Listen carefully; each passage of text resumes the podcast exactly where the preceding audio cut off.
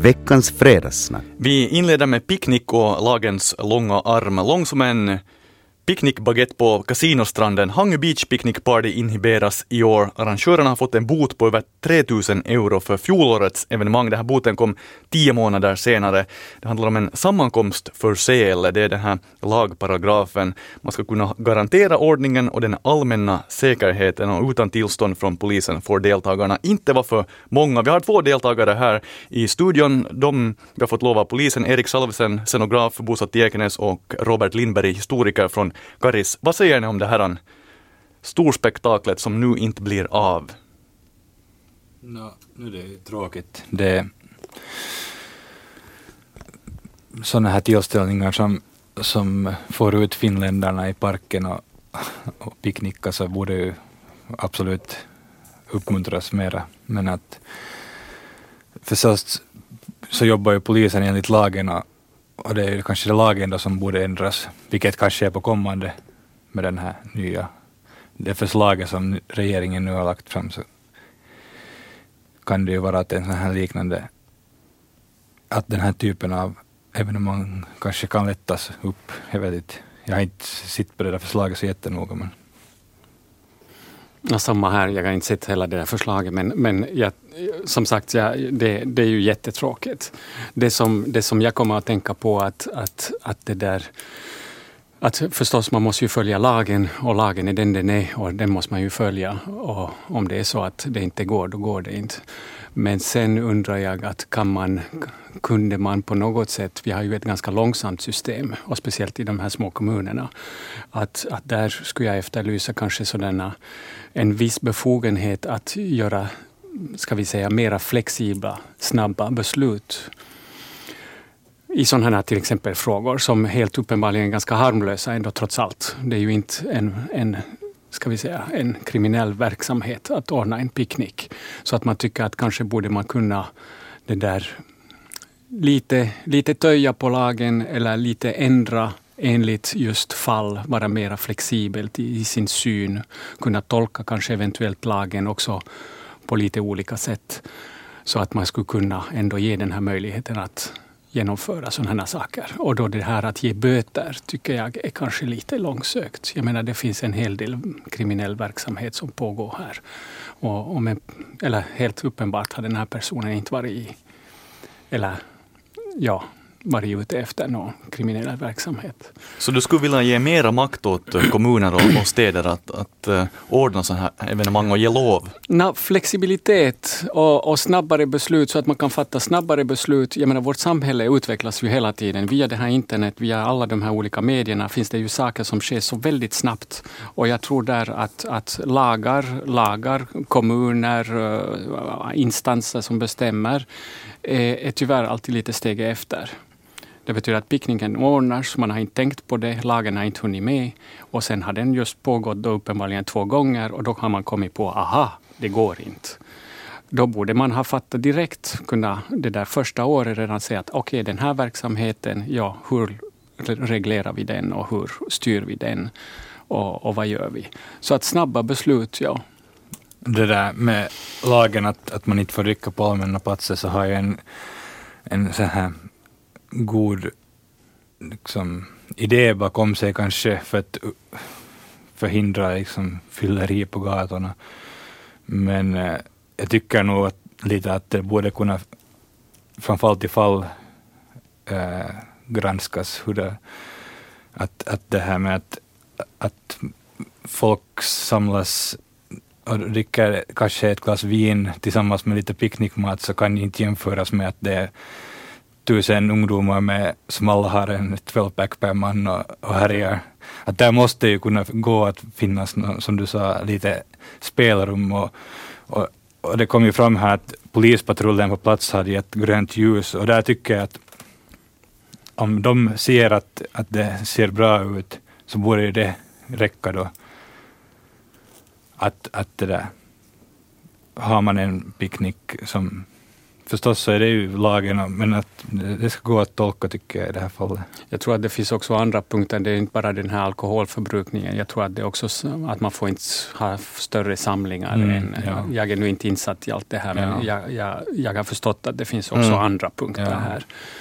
Men, men det, där, det är ju helt klart att, att, att jag menar, man borde ju uppmuntra sådana här verksamheter och det borde ju polisen där är ju också, jag menar, vilket sätt man, man som sagt, man ger böter istället för att uh, på, jag menar, vänligt kalla upp de här två människorna och säga att hur ska vi lösa det här problemet? Att man skulle kunna till exempel där redan förmedla istället för att han då, eller han eller hon, jag, jag vet inte nu personerna i frågan, men att de måste överklaga och sen inleda eventuellt någon slags rättsprocess mm. för att inte behöva betala detta böter. Så att, så att på något sätt det känns så krångligt och så, så, så omständigt att, att istället ha en positiv, jag menar från myndigheternas sida, en positiv, jag menar det här är en positiv sak att man ordnar en picknick, det är ju helt klart.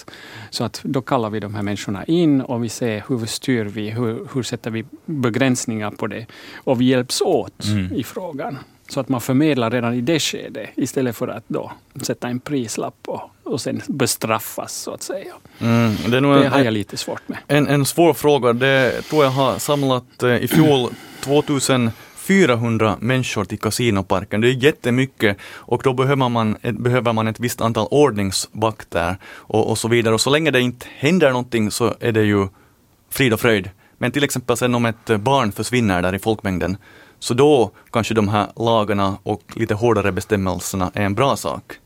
Att det beror väl lite på vad som händer. Sen om Hells Angels ordnar någon slags fest så då, då kanske myndigheterna är direkt och hajar till.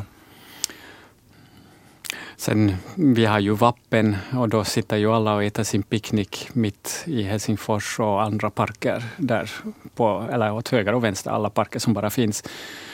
Och det tillåter vi ju för att det är ju just vapen. Men där finns ingen officiell arrangör. Vet, det, är, jag vet det, det, är ju den här lagen. Mm. Ja, men där, där efterlyser jag, jag menar, jag menar, de som stiftar de här lagarna, de som, som på något sätt ska implementera dem i samhället, de, de borde också på något sätt vara dynamiska i sin syn på, på utvecklingen. Jag menar bara som ett exempel, jag menar i Paris var jag för ett par år sedan var jag i Paris och då, då det där, varje vår firar man just de här nya, nya rosévinerna som kommer. Så att det blir en stor, man, man dricker rosé helt enkelt. Och, och det, där, det fanns en stor en stor krok som var uh, längst sen floden, då, mitt i Paris.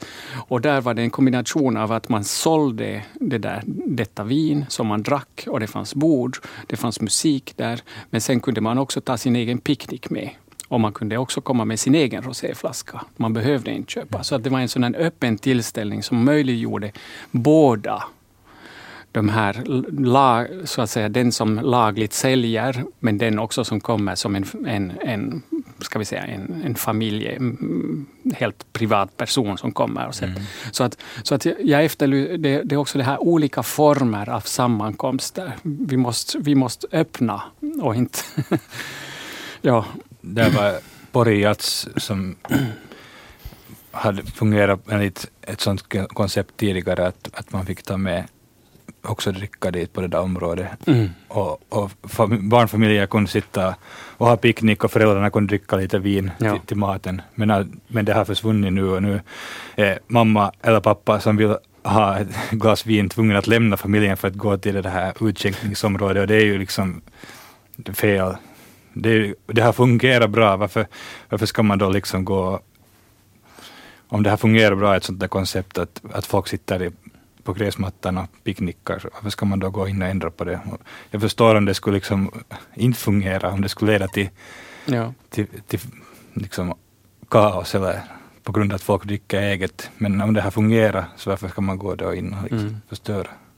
En del har föreslagit att eh, nu vad gäller Hangö Beach Picnic Party och eh, också Fornäldrarnas natt som ordnas i Kapellhamnen som verkar inte bli av i år, att Hangö stad skulle, skulle ta över arrangemangen. Hur låter det här? An? Att en stad, en kommun är, är och arrangerar picknickar. Nej, jag tycker att, ja, varför inte? Sen tycker jag att det är lite synd med tanke på de människor som har i, uh, det där, börja med det här, att, att man fråntar dem i princip ska vi säga, för det är ju ett medborgarinitiativ. Det är ju folket som, jag menar människor som har valt att de skulle vilja ha en sån tillställning. Och då tycker jag det är lite synd att, att det också måste gå under en annan, ska vi säga en, en mera byråkratiskt reglerad instans, att det inte stannar också en fri, på något sätt, vad ska vi kalla det, happening, som det har varit hittills. Jag tror att det finns också en kvalitet i det, att det, det är saker som uppstår som är inte är styrda av myndigheter, att det uppstår på en fri basis och en medborgarbasis. Jag håller med. Alltså det där, tycker jag inte att det, det hör ju inte primärt till kommuners Nej. uppgift att arrangera sådana här tillställningar. Att finns det ivriga människor som vill ordna sånt här så tycker jag att det ska uppmuntras att de då i så fall ges möjlighet att ordna det. Istället för att tvinga det på kommunen. Hej Robert Lindberg, du är en California-cover i, i själen. Blir du nu skrämd från att ordna någon slags megapicknick i Pumpviken? Eh, jag skulle kanske själv vara den som skulle ordna en sån, så att på det sättet, men det är ju synd om någon som skulle vilja ordna och som har tänkt på det nu liksom skräms bort av det.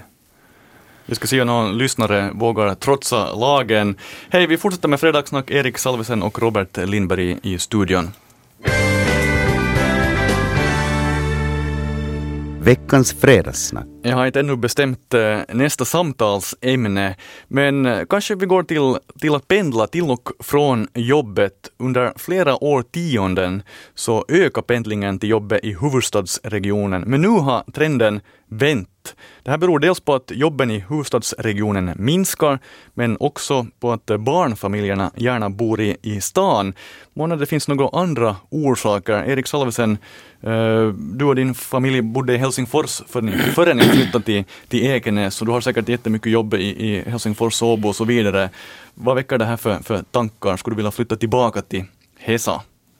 Mm. När ska vi se om, om jag vill flytta tillbaka till, eller ska vi säga, jag säger nu inte tillbaka till Hesa, men, men bort härifrån, då är det av andra orsaker, uh, kanske en, en, en jobb eh, för min del, men det, det, är nu min situation. Det, där, eh, det, det, är svårt att säga. Jag tror att, att, att det är sådana saker som, som, som, som är väldigt konjunkturberoende det där beroende på hur många människor flyttar in, hur mycket jobb, vad är situationen.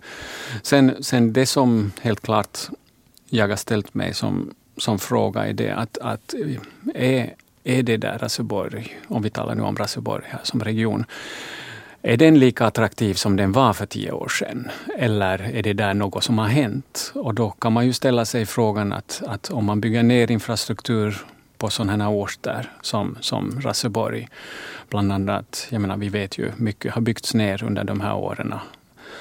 Um, ja, är det så då att, att folk det där flyttar hit? Eller är det sådana människor nu som har flyttat, flyttat hit då för tio år sedan och nu börjar de tycka att ja, nu ser det inte så bra ut här i den här regionen. Skatten är hög, sjukhuset har flyttat bort, skolor stängs, barnen blir äldre är det så då att man tycker att naja. Mm. Robert Lindberg, du bodde länge i Åbo, sen flyttade tillbaka till Karis och du hölls inte kvar där i, i, i Åbo. Ja, det var ju delvis på grund av att, eller tack vare att min sambo fick... nu ska du passa dina ord. Ja, min, min sambo fick jobb i Helsingfors och det var inte hållbart att bo i Åbo mera. Men det där, det var, i ett skede så var det ju uh, på tal om att ska vi flytta till Helsingfors för att mitt jobb inte kräver att jag varje dag är i Åbo.